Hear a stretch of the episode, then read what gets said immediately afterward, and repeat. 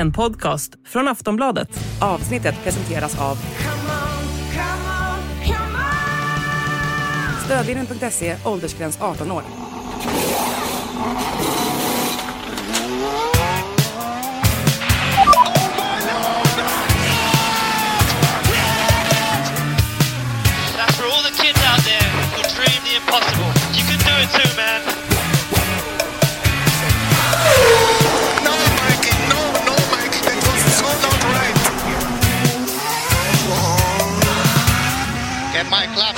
Steering wheel. Steering wheel, claps on steering wheel here. Idag, om du lyssnar samma dag som avsnittet kommer ut, kära lyssnare till Plattan i mattan, Sportbladets Formel 1 podcast, så är det 38 dagar kvar till första racet på säsongen och vi är fortfarande inne i januari. Men nu, Anna Andersson, så börjar det väl i alla fall småputtra lite i F1-världen. Det har ju varit en oändlig tystnad med saker och ting, va? Ja, Filip, det måste man väl ändå säga. Det, är, det känns som en vinter som aldrig tar slut på något sätt. Och där jag bor så är det ju inte ens snö, det är bara en ständig dimma och regn. Så man längtar ju någonstans till de här, att de här sista plus 30 dagarna ska rassla fram till Bahrain. 38 dagar. Jag ska säga att det, till er som lyssnar att det tog oss ändå några minuter att räkna ut hur långt det var kvar här. Anna slängde upp sin analoga kalender och räknade in dagarna. Jag gav upp direkt. Jag sa jag kommer aldrig kunna lista ut hur många dagar det är för att det är för avancerad matematik. Så Anna räknade dag för dag här. Så vi hoppas att vi har räknat rätt nu här. Ja. Men det betyder också att det är 36 dagar kvar till träningen börjar och 37 dagar till kvalet i Bahrain. Precis, och sen beror det lite på när man lyssnar på programmet också, så plus 30 säger Ja. Mm, på ett ungefär, det blir alldeles för avancerat. Men du, eh, nu är det ju i alla fall eh, full fart i Andersson-familjen gissar jag på när det är handbolls-VM. Vi är ju alltså då på onsdagen så ska Sverige spela kvartsfinal på kvällen och jag ska gå på den matchen privat utanför jobbet Ja, vad trevligt för på dig. Tele2. Mm, vad trevligt. Jag har handbollsträning med mina tjejer den kvällen. Ja, då, då glor du inte på match då eller? Det hinner Jo, du inte. men det, är, jo det, hin, det hinner jag. Det är tidig träning så det är lugnt. Vi får väl se till att hinna hem. Ehm, men det är väl lite handboll här kan jag väl säga som går. Det, kollar ni på alla matcher? Costa Rica, Sydkorea och sånt också eller?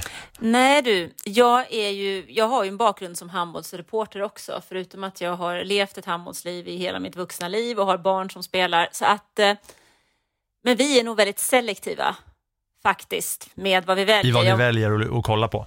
Ja, jag kan ju säga att eh, Sverige-Uruguay såg jag inte många minuter av. Däremot eh, Spanien-Frankrike. Ja, ja ni, ni, väljer, ni, ni ser liksom toppmatcherna och ni förstår också vilka som är toppmatcherna är, vilket större delen av svenska folket kanske inte bryr sig så jävla mycket om inte, om inte Sverige är involverade. Nej, men sen så jobbar ju maken då för Tyskland, så Tyskland ser jag ju också. Såklart. Ja, hur går det för dem då?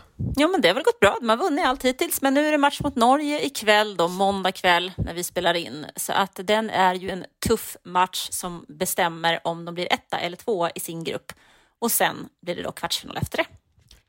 Med risk för att blotta mina icke-existerande handbollsspetskunskaper, visst fan är det väl så att det är lite sjukt att Tyskland är det största landet rent klubblagsmässigt, eh, nåväl, men ändå inte de senaste åren har varit på samma nivå landslagsmässigt.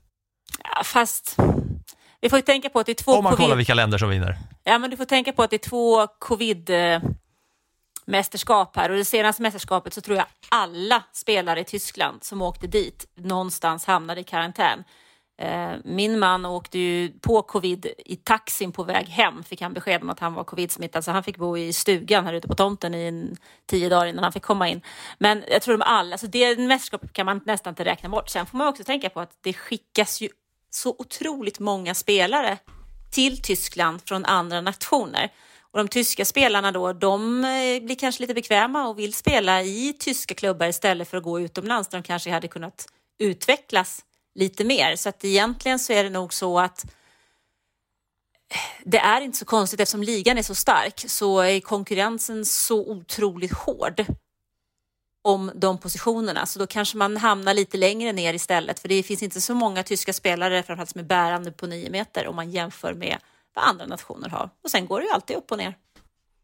Mm, ja, nej, det var min, eh, var min lilla, lilla tysk, eh, tysk spaning. Kör ni i familjen då eh, tyskmålning och svenskmålning när det är matcher eh, hemma och sådär? Jag tror att Tyska vi, landslagströjor på? eh, jag skulle säga att vi är nog alla fyra någonstans lever vi mitt i Östersjön. Mellan Tyskland och Sverige. Ja, Okej, så ni håller på Danmark? Mm, mm, nej, det kör vi igenom.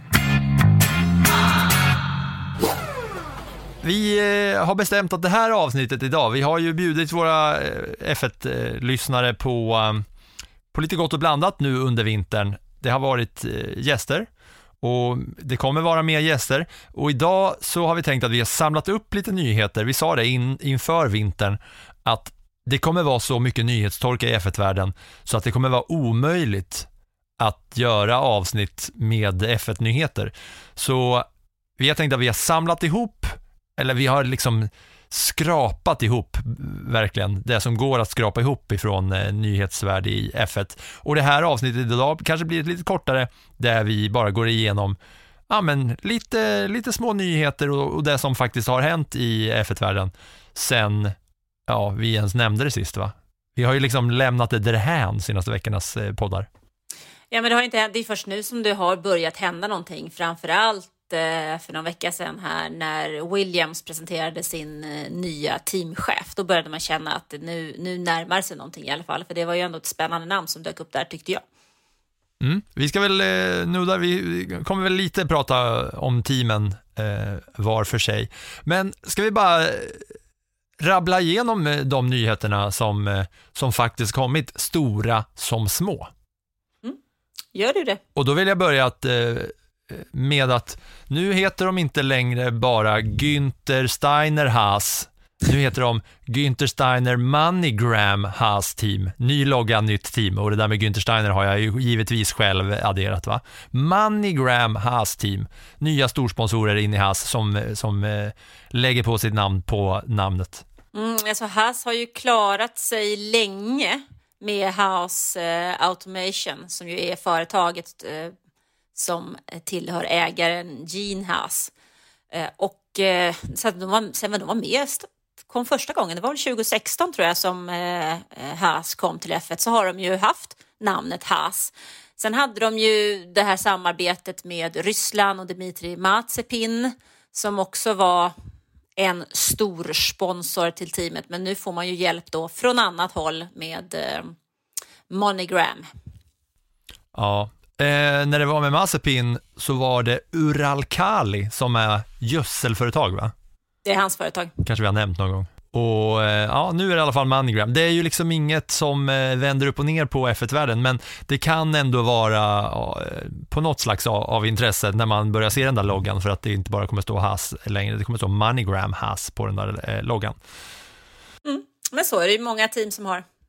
Ja, jo men exakt. Eh, och Günther Steiner får väl några extra korvören att, vända på för att utveckla den här bilen eh, lite mer. Det blir spännande med Haas att se med tanke på hur de, hur de kom ur startblocken förra året och sen eh, eh så att säga stagnerade lite grann under säsongen. Att de eh, la av ganska tidigt med att utveckla bilen. Se om Manigram kan göra något här. Det som är mest intressant när det gäller Haas tror jag ändå blir att se vad Nico Hülkenberg, vad han ligger på för nivå. Jag tror ju att det kommer ta en liten stund innan han är i fas och sen är frågan om han kommer upp i den fasen eh, rent prestationsmässigt som han befann sig i när han lämnade som heltidsförare. Men det är en annan diskussion. Mm. Ja, vi kommer ju, som sagt, det här med att, och blicka närmare på teamen och se vad som har hänt under det som sen kommer vara försäsong. De avsnitten kommer vi komma in närmare på, då kommer vi ju gå igenom förare för förare och team för team och hela eh, faderullan. Men apropå team, Anna, så är det ju så att eh, det har börjat liksom eh, florera runt lite rykten gällande Andretti och Cadillac tillsammans ska göra någon slags satsning mot F1. Och där har väl du mer info än många kanske? Ja, det kanske jag har. Det där är ju himla spännande. Jag hade ju glädjen eh, att få prata med Mario Andretti här för ett par veckor sedan. Jag gjorde en intervju som kommer att gå i våran eh, F1-bibel som kommer att komma ut lagom till säsongstarten faktiskt. Där pratar... Och där breakar du ändå en liten news också, för det där tror jag inte eh, många andra kommer veta om förutom de som lyssnar på den här F1-podden. Det kommer en F1-bibel, likt det gör inför SHL eller för Premier League eller för VM eller för OS, så kommer det komma en F1-bibel inför F1-säsongen. Mm, det kommer det göra. Vi har ju gjort det ett par, vid ett par tillfällen och nu får vi äran och möjligheten att göra det igen och det är naturligtvis jätteskoj och inför en sån, det är ju vansinnigt mycket jobb så det är det jag har sysslat med här under vintern och eh, gjort en hel del intervjuer och en av dem då är, var då med Mario Andretti och då passade jag på att faktiskt fråga honom kring detta om Andretti och Cadillac där då GM det som ligger i botten för motorsponsringen och de har ju lovat då att det är minst en av deras förare som ska vara amerikan. Så jag ställde frågan och frågade om eh, det är så att det här ryktet stämmer och då var ju svaret så här. No, no, the door is not closed by any Mm. means. Uh, Michael uh, has firm objectives, you know, to be in Formula One, and uh, he's working every day toward that. And uh, so, no, that's um, uh, we're still we're still on it, uh, and uh, and you know, with the hope that uh, everything will work out. Is there a time perspective? At the moment, we never we, we never determine, you know, a line in the sand, if you will. Yeah. Um, so uh, it's uh, that's not the uh, the frame of mind that we have. That if it doesn't happen within a certain period of time, you know, can we give up? Uh, I don't think uh, we want to give up that easily. Uh, I think uh, it's been a serious approach to to, to this uh, uh, immense undertaking, and uh, and so uh, we will keep fighting. To, to, to Ja, och det där är ju stoff då som kanske skulle kunna få vingar egentligen om eh, F1-världen är uppmärksammade för att det är väl eh, inte så himla många som har eh, en timmes långa intervjuer med eh, Mario Andretti där, där han faktiskt uttalar sig om hur det kan gå. Nej, så kan det nog förhoppningsvis vara att eh, det flyger en stund. Han är en otroligt trevlig man, Mario Andretti, måste jag ändå säga. Det är imponerande att kunna göra en eh, digital intervju med en man som har fyllt eh, 80 år, 82 tror jag att han är numera. Men eh, ja, spännande, intressant och jag hoppas att de som köper Bibeln kan få en extra inblick i hur F1 under 1970-talet var, för det var framförallt det vi snackade om vid sidan då av eh, Andretti och Cadillac. Men det som, Ja. är, lite, det som är lite kul med just Andretti och deras eh, team är att de finns i Indycar, de finns i Extrem E och de finns i Formel E. Så de bygger ju en satsning lite likt McLaren för att ta sig in och lägga en grov grund liksom, till flera racingserier och vill ju etablera sig som det stora amerikanska racingteamet och det är lite det som Zac Brown och, och McLaren också vill och de har ju förmånen att redan befinna sig i F1 så dit vill ju Andretti också gärna in. Och ni som lyssnade på avsnittet förra veckan som var vårt specialavsnitt om Ronny Pettersson och den som lyssnade hela vägen ända in i mål där kunde också få höra Andrettis eh, tankar om Ronny Pettersson och har du inte lyssnat på det här avsnittet så eh, rekommenderar vi er att göra det faktiskt. I F1 nu med nya teams och nya reglementen och Audi och Porsche, det, det känns som att det är mycket som händer på den långa horisonten. Ja, men det är det. Vi vet ju inte när det gäller Andretti och Cadillac eh, hur lång tid det kan ta. Fia har ju öppnat upp för att de vill ha fler team i F1.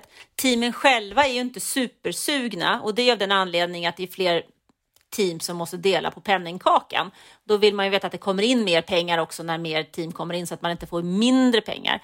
Och från eh, Andrettis sida så handlar ju inte detta bara om att F1 har blivit betydligt större i USA med tre team till nästa år, exempelvis att man vill bredda som jag sa tidigare, utan det handlar också om att Cadillac vill etablera sig i Europa där man så småningom vill ha ett elbils märke i Europa. Och sen är det då det här nya reglementet som ligger från 2026 med nya motorer där man ska jobba med syntetiska e-bränslen som är aktuellt. Plus att F1 har ett nollutsläppsmål, eller netto nollutsläppsmål heter det på riktigt då, från och med 2030. Så att det ligger ju sådana såna hållbarhetstankar i det hela och där vill ju naturligtvis flera biltillverkare vara med. eh, Audi vet vi ju har köpt in sig i Sauber. Mm. Och eh, kan man liksom gissa i när man får reda på något om det här? Kommer det, kommer det spekuleras i åratal eller kommer det hända något kommande månaderna innan säsongen börjar? Vad, vad ska vi förvänta oss egentligen? Ja, det är helt omöjligt att förvänta sig någonting för alla som håller på med F1 vet ju att ingenting är skrivet i sten och om stenen är skriven så välter man på stenen när det passar. Så att det där kan man ju inte säga, men det känns ju som att om vi lyssnar på vad Mario sa så har de ju ingen bortre horisont utan de jobbar för att ta sig in och de ska in. Så frågan är väl bara när. Ja, det, blir, eh, det blir kul eh, att, att se vad det där blir. Och de lovar en amerikansk förare. Gissar man på att det blir Daniel Ricciardo då eller? Det känns som att Daniel Ricciardo är fullblodsamerikan vid det här laget. Mm, Och nej, så det- populär i USA som han är. Ja men så har det. Sen har du Colton Herta och sen har vi ju faktiskt en eh, debutant från USA i F1 2023, Logan Sargent, som ska köra för Williams. Han kanske kommer ha hunnit uträtta ett och annat eh, när det är dags. Ja, men det är lite spännande för Williams hade tänkt att han skulle köra två år i Formel 2, men han imponerade så pass bland annat på, i Storbritannien eh, under det racet på Silverstone där så att de eh, sköt fram den där planen år. Så det blir spännande att se vad han kan göra. Och när du ändå är inne och snuddar på Williams, då kanske vi ska ta en till Williams-relaterad eh, nyhet. Och den Williams-relaterade nyheten den grundar sig i, hos Mercedes. Ja, så kan vi väl säga egentligen. James Wolves. Det kanske inte låter så himla märkligt, det namnet, men om man kan sin F1 lite grann så vet man att han faktiskt har varit i en del av det här Brackley-baserade teamet sedan mer än 20 år tillbaks. Eh, och då pratar jag faktiskt om Braun GP som är eh, föregångaren till Mercedes. Så han har varit med där, han kommer från, från bar Honda-tiden in i Braun, in i Mercedes och där har han varit och haft en nyckelperson och varit strategichef till och med eh, de senaste åren. Så det är ju verkligen en, en mycket omtyckt och eh, respekterad medarbetare som nu lämnar Mercedes för, som Toto Wolff uttryckte sig, Mercedes goda partner Williams. Ja, det är tungt, tungt eh, namn att tappa. Och sen undrar jag alltså, för jag har ju sett det här namnet i skrift, men jag tror inte jag har hört det. Han heter ju alltså inte Wolves med W först och ett enkel-V sen. Nej, Han tvärtom. heter ju enkel-V först och W sen, vilket gör att det borde bli Vowls. Vowls. Eller så är det. Wolves. Ja, eh, det är en speciell stavning, men eh, ja, Vovles skulle det vara om man körde på Bon, Katrineholmska. Eh, men eh, ja, vad, kommer det, vad kommer det innebära för Mercedes då, rent så här vad de, vad de tappar? Alltså de tappar ju en stor kraft, en tung kraft och en nyckelperson som jag tror egentligen att Williams kommer kunna ha väldigt, väldigt mycket glädje av. Jag menar, det här är en kille som har varit med om, om typ 120 GP-segrar under sin karriär eh, och som de senaste åren liksom har fått jobba sig upp igen. Men Ja, alltså det, lite, lite är det ju sådär att Williams måste ju någonstans och de måste ju satsa någonting och han kan inte stiga så mycket högre i graderna hos Mercedes än vad han har gjort så han måste göra något annat och det verkar ju som att För det går inte att peta de, Toto Wolf. Ja, och det tror jag inte Wolf är intresserad av än. Så att eh, det kan väl vara ett steg i karriären på väg någon annanstans då. Kul att, det- jag har inte tänkt på att två av de tyngsta namnen, Wolf och Wolves, Wolves, har varit i Mercedes. Att det verkligen är vargtopp där eh, hos dem. Men, eh, men ja, ändå, som Toto säger, så är det väl ändå liksom samarbetspartners ändå. Där kan man väl, där kan man väl läcka ut lite med det ena och det andra till, till varandra. Ja, stallhemligheter och så vidare. Jag tror att de kommer överens om de sakerna. Men eh, det var väl, jag tror att det var en, en chock för många inom racingvärlden när han bestämde sig att lämna jobbet som eh, strategisk eh, chef. Mm. Ja, det är mycket som, mycket som händer i Williams. Det ska bli jävligt kul att se vad de hittar på med den här nya uppsättningen ja, på alla fronter. Är det något mer du vill säga om det här bytet från Mercedes till Williams? Nej, det är det väl egentligen inte, för att vi måste ju alla se... Alltså det handlar ju så mycket om vad Williams har och är på väg. Eh, Det lär ju inte vara så att vi ser några stora förändringar inom loppet av ett par veckor i år, men Williams förbereder sig- väl också för en annan framtid och någonstans måste ju de också jobba med sina strukturer och ar- alltså det stora arbetet runt omkring ett F1-team för att få dem att komma på rätt väg. Och det kan vi konstatera att Jos Capito som var framgångsrik med Volkswagen i rally-VM nådde ju inte fram inom F1. Så det här är ju en, en person med säkerligen en stor önskan om att få kliva ur skuggan lite grann och verkligen få bygga någonting själv med tanke på de erfarenheterna som han har med sig. Det är ju verkligen nästa steg i hans karriär. Och det är han vi kommer då få se i liksom intervjuer in, inför racen som är ansiktet utåt då för, för Williams som kommer vara, vara den som, som, som står till svars för saker och ting. Ja. När det går åt helvete och hyllas när det går bra. Precis, han kommer ju vara vargen hos Williams då istället för vargen hos Mercedes. Sen en annan nyhet är ju kanske det största som har hänt här under, eh, under det här eh, nyhetstorkan är ju att Saudis då, eh, Saudiarabiens investeringsfond, nu är jag och nosar på detaljerna här, men eh, som jag tror heter Public Investment Fund, som är då den här nuvarande ägaren över Newcastle i Premier League, ville köpa F1. De ville liksom köpa hela, hela vad ska man säga, or, organisationen eller tävlingen så att säga. På samma sätt som Saudi har klivit in och startat en egen organisation som där golfare lämnar PGA-touren och så har de startat sin egen tour. Så vill de ta över det här redan då etablerade. Och de erbjöd 200 miljarder kronor. Vilket F1 då bara, nej, det kan ni glömma Ja, vi arbetar ihop på andra sätt ändå. Ni kan ge oss pengar för att ha ert race och allt annat. Men det blev ett liksom eh, nej där. 20 miljarder dollar och sen så har väl eh, valutaväxlingen förändrats lite sen det här budet lades. Men eh, ja, de som äger F1 nu är Liberty Media. Ja, det är ett amerikanskt eh, mediekompani som, som äger F1 och som ju har fått F1 att lyfta på det sättet som man har fått. Och jag kan ju tänka mig att de är inte så här jätteintresserade av att bli sålda till Saudi för de har ju precis klivit in på den amerikanska marknaden ordentligt. De har ju två säsonger av Drive to Survive till om vi räknar med hur det ser ut framöver här eh, som inte är sända ännu och de har ju tre lopp i USA, de har nya team på väg in, alltså F1 bommar ju in över hela världen och Saudi har ju lite tveksamheter kring sig. Samtidigt förstår jag ju att Saudi eh, är ju intresserade av motorsport. Det finns ju en stor motorsport, motorsportintresse i Saudi. Eh, man tittar på Rally Dakar, man tittar på eh, F1 eh, som har race där och så vidare. Så att, att, att de vänder sig dit tycker jag inte är sådär supermärkligt. Men jag förstår också varför man inte vill sälja. Det ska sägas att Liberty Media klev ju in i F1 2017 och då köpte de det för 45 miljarder kronor och då är ju då procentuellt sett inte något som jag kommer fingra på här och lista ut. Men det är en rätt, eh, det är en rätt snabb ökning då från att köpa det för 45 miljarder och erbjudas 200 miljarder Ja, och ändå kan, blankt tacka nej där direkt. mm, då kan du ju räkna på hur mycket de har tjänat under de här åren. Eftersom de blankt tackar nej. Ja, det är ju, eh, det är ju sådana jävla summor alltså. Så man eh, fattar ingenting egentligen.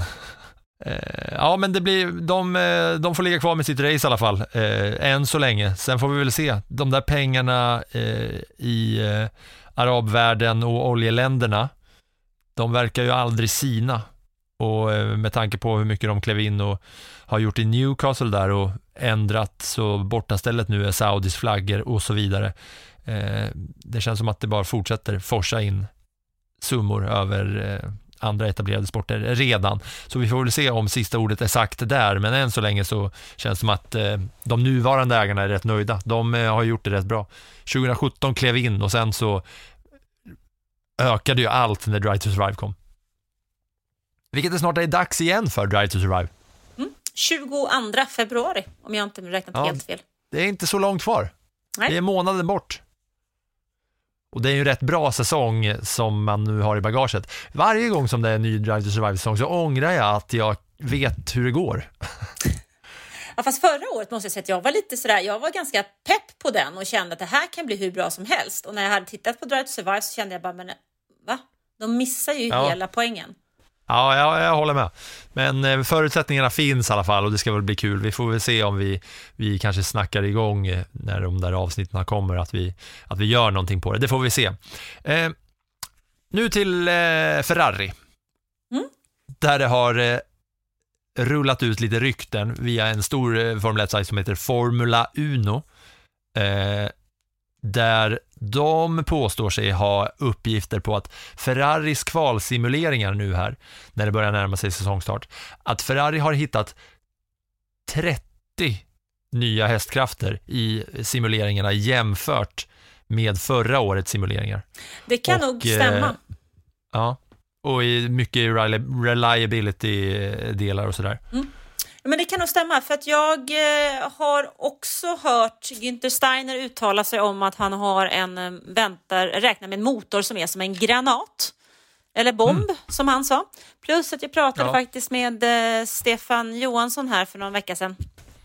Och han har ju som ni som har lyssnat på podden tidigare fortfarande bra kontakt i Italien efter de åren som han körde för Ferrari och han menade också på att man har gjort förbättrat aerodynamiken och gjort vissa förändringar så det ska eh, det ser betydligt bättre ut inför årets säsong än inför förra, sa han i alla fall till mig.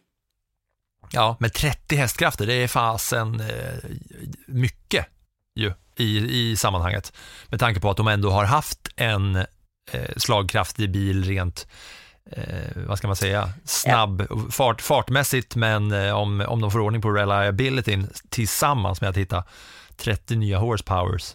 Ja, vi har ju ett motorstopp, eller ett utvecklingsstopp på motorerna så att eh, det där är ju lite intressant hur man har jobbat med bilen för att lösa det. Men det är som så mycket annat. Vi får ju besked här under de första racen. Det brukar ju vara så, tre, fyra, fem race så ser man lite grann och sen kan det svänga igen när vi pratar om utvecklingsrace. Det är ju ingenting som någonsin står stilla inom Formel 1. Nej. Och enligt samma uppgifter då så eh, påstås Mercedes ha hittat 16 nya hästkrafter och Red Bull 10. Vet inte riktigt vad det säger i, eh, i eh, relation till varandra, men eh, Ferrari de, de eh, påstås då ha vara en sekund snabbare i snitt då i de här simuleringarna där de har hittat de här eh, nya krafterna. Ja, det får vi se vad det är. Men eh, när Stefan säger att det är någonting på gång så eh, har jag en känsla av att han vet vad han pratar om. Mm. Ja, 30 nya hästkrafter, det, det känns rätt, eh, rätt rejält va?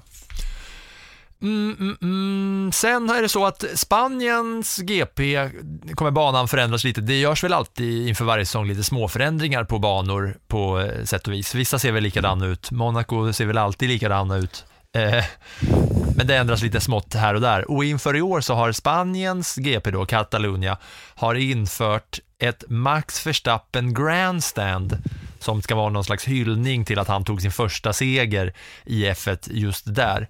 Och då tar de bort eh, den här chikanen som jag satt vid när jag var där förra året, vilket gör att när de ska upp för backen, eh, där banan så att säga vänder in mot sig själv, mitten på banan, så plockas den chikanen bort för att det ska bli då eh, mer omkörningsvänligt. Men då ska det vara en läktare där som ska vara Max Verstappen Grandstand. Det känns som att när vi kommer in på b- bana för bana så, kan vi, så kollar vi på vad det har gjorts för förändringar. Hur vanligt är det att förändra banor? Ja, det sker ju förändringar. V- vad räknar du med en förändring? Är det att ändra asfaltstypen eller är det att flytta, alltså varje... Nej, men liksom flyt, flytta kurvor hit och dit. Ja, det är inte ovanligt i alla fall. Det händer ju av olika anledningar. Förbättra racing, säkerhetsskäl eh, och så vidare och så vidare. Så att det, det sker ju absolut. Det gör, har gjorts, görs ju förändringar i Miami också, kanske inte på själva banan men runt omkring banan. Till exempel efter förra året. Så det där, det är ingen ovanlighet. Det, eh, det ska ju vara en bra show av det hela. Men eh, det är lite kul ändå med Verstappen. Jag var faktiskt där då när han vann 2016. Det var en jätteskräll. Var det varmt? Ja, men framförallt så minns jag det eh, luftdraget som går i pressrummet när Mercedes båda bilar kolliderar i inledningen av loppet som öppnar upp för att Verstappen ska vinna i sin debut för Red Bull. Så att eh, just det wow, som går genom eh, hela pressrummet där när folk sätter sina mackor i halsen för att de två, Rosberg och Hamilton, kraschar. Eh, Gasly och Ocon, eh, Gasly har varit ute och snackat om att det här, deras, deras beef, deras feud, att den har liksom uppförstorats för mycket. Det har ju varit snack eh, om att de verkligen hatar varandra, men nu när de ska eh, köra tillsammans i helfranska alpinteamet, att eh, har han nu gått och snackat med eh, Autosport och Mo, eh, Autosport och sagt att eh, ja, ja, det där, är, det där är alldeles för mycket uppförstorat, det är för mycket snack. Vi, det är okej, okay. vi är inte bästisar, men ja, det funkar vi har gjort lite event ihop och vi pratar med varann och så kommer det bli bra. Det är alltid så i paddocken. Det är vissa som funkar och andra funkar inte. Vet du vad det hur... grundar sig i eller? Alltså de där två har ju tävlat mot varandra sedan de var småpojkar om att få någon gång få ta sig till F1 och för att ta sig till F1 så måste man ju ha ganska vassa armbågar både på och utanför banan och nu har båda två tagit sig dit. De är fransmän båda två. Jag vet inte. Och ska köra för samma team. Ja, alltså då, det är ju liksom, vi får nog gå tillbaks till alltså 2009 eller något sånt där liksom. När det, det, de började liksom att stöta på varandra, så det var ju en lång, lång tid. Så att, franska kartingscenen och franska racingscenen har de liksom tagit sig upp tillsammans, lite typ samma ålder armbågar sig upp båda två på samma sätt och vis. Eh, Gasly har väl sagt innan det blev klart med Ocon så har han väl sagt så här att, eh, ja, att vi har spenderat mycket tid på, i bilar i, tillsammans men det har, it got to a point eh, när, när han, Ocon, var lite väl upprörd över saker och ting och han inte var snäll längre och sen dess har vi alltid haft eh, rivalitet. Ja, men alltså jag, jag vet inte, någonstans så känner jag bara det här teamet, de två förarna, de kan ju säga hur mycket, som, hur mycket de vill kan de ju säga nu när de pratar en och en med journalister och vi har en stund kvar till första racet. De kommer att låta superfint även när de presenterar bilen. Men låt det gå mm. ett par omgångar så får vi se. Ja, exakt, det är det jag tänker. Det är, båda två fightas om en och samma position. Ocon har ju kraschat med teamkamrater förut. Spännande att se om det händer igen. Vi får se. Det, det, är ändå så att Gasly kommer till Ocons team här och Ocon och Alonso var inte heller så himla goda vänner alla dagar i veckan och Gasly har en ganska tung säsong bakom sig eh, och vill naturligtvis visa i ett franskt team. Ja, nej, det där kommer vi behöva diskutera många gånger. Ja, alltså fan, jag har tänkt lite på det här med Gasly. Alltså Ocon kom ju dit med fler poäng i bagaget, men det känns på något sätt som att Gasly ändå har en inom då citationstecken, Gasly har en lite högre status rent så här eh, followmässigt eller om man kollar på hur mycket utrymme han har fått i, i media och i Drive to Survive och såna grejer. Det känns som att han är ett större namn på något vänster. Är det bara för att han gjorde de där racen i Red Bull eller? Som jag känner så. Jag säger inte att det är så, jag säger att jag känner så. Jag tror att du känner så, för att han gjorde de racen i Red Bull. Det var ju en rätt mm. bra petning av honom där också den sommaren. Liksom, så att, eh, mm.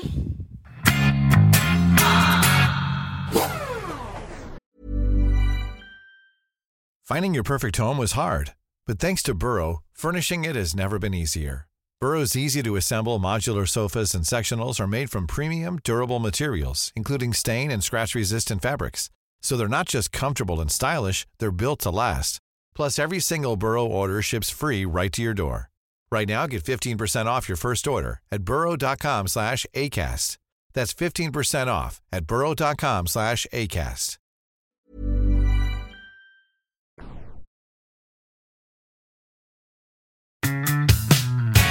När vi är inne på teamen så har, eh, så har jag en bild framför mig och även dig här om du eh, scrollar ner till den bilden där, där teamsen är. Där det finns, eh, där det är uppraddat då hur många F1-race teamkamraterna har gjort tillsammans. och då är det alltså så att i sex av teamen, sex av de tio teamen, så har förarna gjort noll race ihop. Det är bara då Red Bull, de har gjort 44 race ihop, de har gjort två säsonger, eh, Perez och Verstappen, och Ferrari har gjort också 44 race ihop, två säsonger, och George Russell och Hamilton är då liksom trea tillsammans med Bottas och Joe som har gjort en säsong och 22 race ihop. Det är ju ett väldigt liksom ny, det är ett nytt fält, väldigt, väldigt nytt fält av eh, förar-lineup. När då 2, 4, 6, 8, 10, ja, 12 förare har gjort noll race tillsammans som Ja, nej, det, det finns ju många erfarna förare och ett par debutanter, men jag skulle säga att det är många erfarna förare, men det är inte så att de har funnits i de här konstellationerna tidigare. Jag är också nyfiken på exempelvis Haas eh, med Hülkenberg och Magnussen. Vad, vad kan det ge? Alonso Stroll. Alltså det finns mycket potentiella konflikter till kommande säsong. Ja, den är riktigt eh, intressant att se på bara när man ser dem staplade på varandra här. Att eh, som förare, precis som du säger, förarna har erfarenhet, många av dem, många av dem har inte det, det är många nya, eh, men som team så har de noll erfarenhet tillsammans. Och det blir spännande att se hur det eh, kommer liksom kastas omkring. Och då när vi är inne på teamen då, eh, vi, eh, vi börjar ju börjar landa åt att nu har vi, nu har vi rabblat igenom det, de nyheterna som, som finns att prata om. Men jag har listat här eh, datum, för nu är vi ju snart inne på februari, det är 25 januari när det här avsnittet släpps och då är det inte många dagar kvar tills eh, alla teams då kommer med sina officiella unveilings, jag vet inte ens vad ordet är på svenska, när man avslöjar sin nya bil, när man drar ut, när man drar bort den här kåpan över och visar, Men så här kan- kommer vår bil se ut, Woho! Kan man inte bara säga att det är en bilpresentation? De presenterar sina bilar. Ja, ja, fast det, ja, det, lå, Sen är det, det ju andra så sidan vanligt, inte så att... det låter så Ja. powerpoint och Ja, men det är ju en powerpoint-presentation i mångt och mycket, för det är, inte, det är ju sällan som det är så mycket från den bilen som du ser på testerna och från testbilen som du ser på första racet. Det hinner ju hända så otroligt mycket. Det enda som vi egentligen får se är ju kanske färger, ehm, sponsorers plats. sponsorer, känsla i lacken. Alltså det är lite sånt och sen så talar de om hur fantastisk den här bilen känns eller ser ut, men de, att de inte vet hur den känns förrän de har kört den på banan. Så har det ju varit i 20 år liksom och så kommer det väl att fortsätta vara. Så att det, det är ju lite så här, eh, ja, för sponsorer och, och eh, andra viktiga människor. Det är liksom ett PR-jippo, det är inte så att eh, det är inte så att du har under dina liksom F1-bevakningsår rest runt och varit på massa sådana här presentationer av bilar. Jag har varit på några, sett några online. Eh, man, in, man bjuds, det är också, grejen är att det är den första möjligheten egentligen som du har att, att ställa frågor och så vidare när de har digitala presskonferenser. Det har de faktiskt haft under ett tag. Eh, även innan pandemin så kom den möjligheten och på så sätt så är det ju rätt bra eh, möjlighet att, att kunna nyttja. Men eh, det ger inte så här supermycket att sitta och åka någonstans i världen för att titta på en bil, utan nej, det är ett PR-jippo. Eh, du ska få listan här bara, eller ni ska få listan här bara på eh, datumen när eh, varje team unveilar sina nya bilar då, som jag fortfarande väljer att säga det, för PowerPoint låter för myndighets-PowerPoint presentationsmässigt på presentation.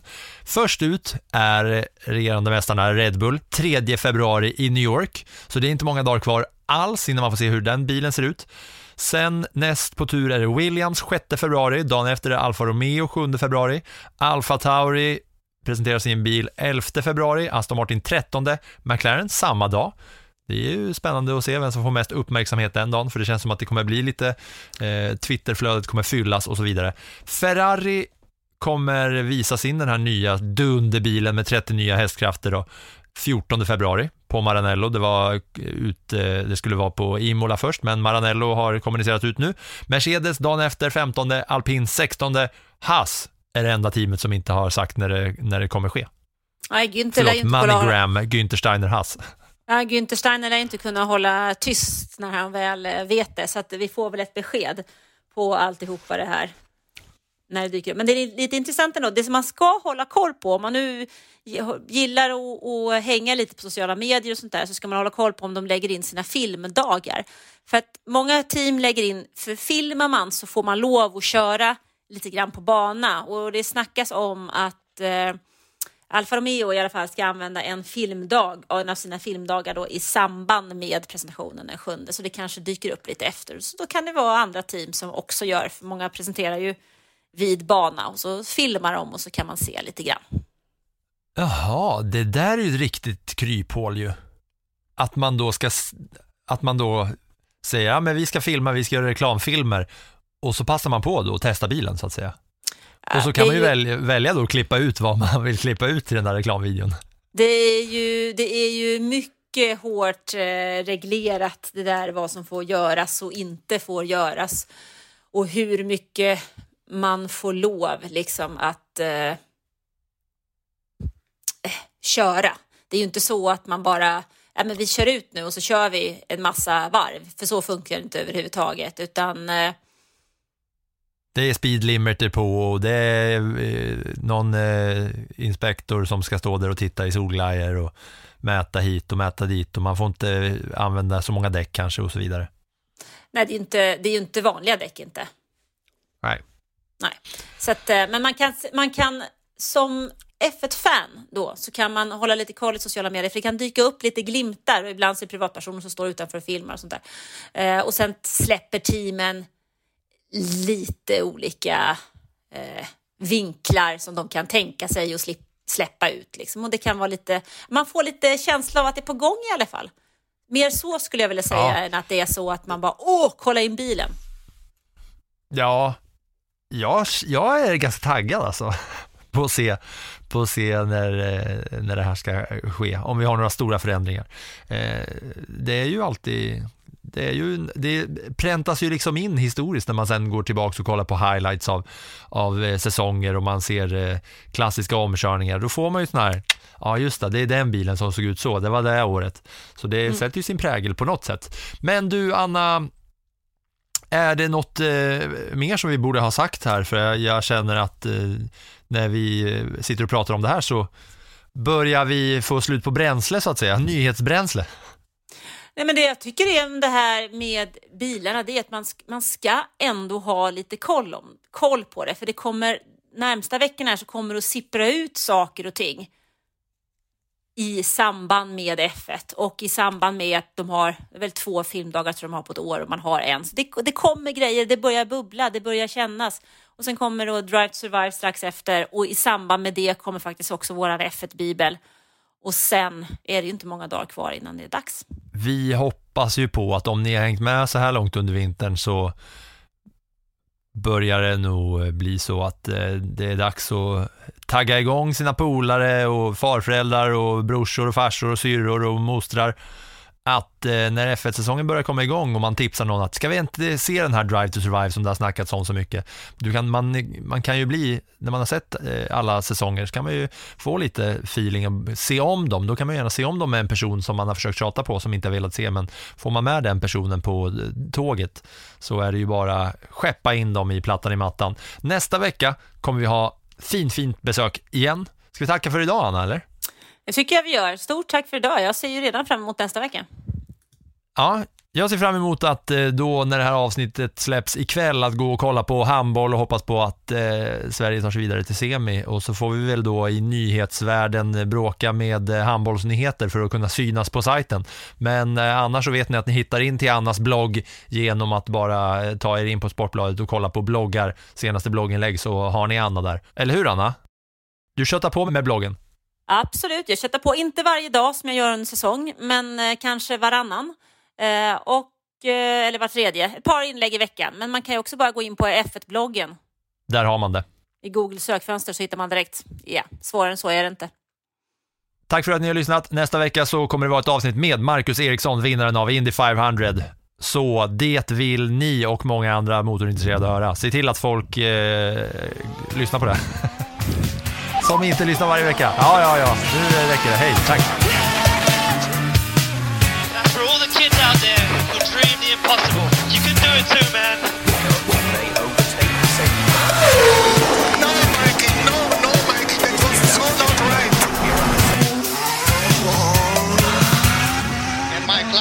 Steering wheel.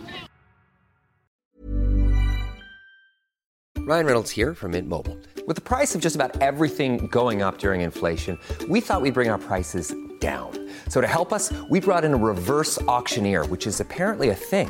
Mint Mobile unlimited premium wireless. Ready to get 30, 30, bit to get 30, bit to get 20, 20, 20, bit to get 20, 20, bit to get 15, 15, 15, 15 just 15 bucks a month. So, Give it a try at mintmobile.com slash switch. $45 upfront for three months plus taxes and fees. Promo rate for new customers for limited time. Unlimited more than 40 gigabytes per month. Slows. Full terms at mintmobile.com.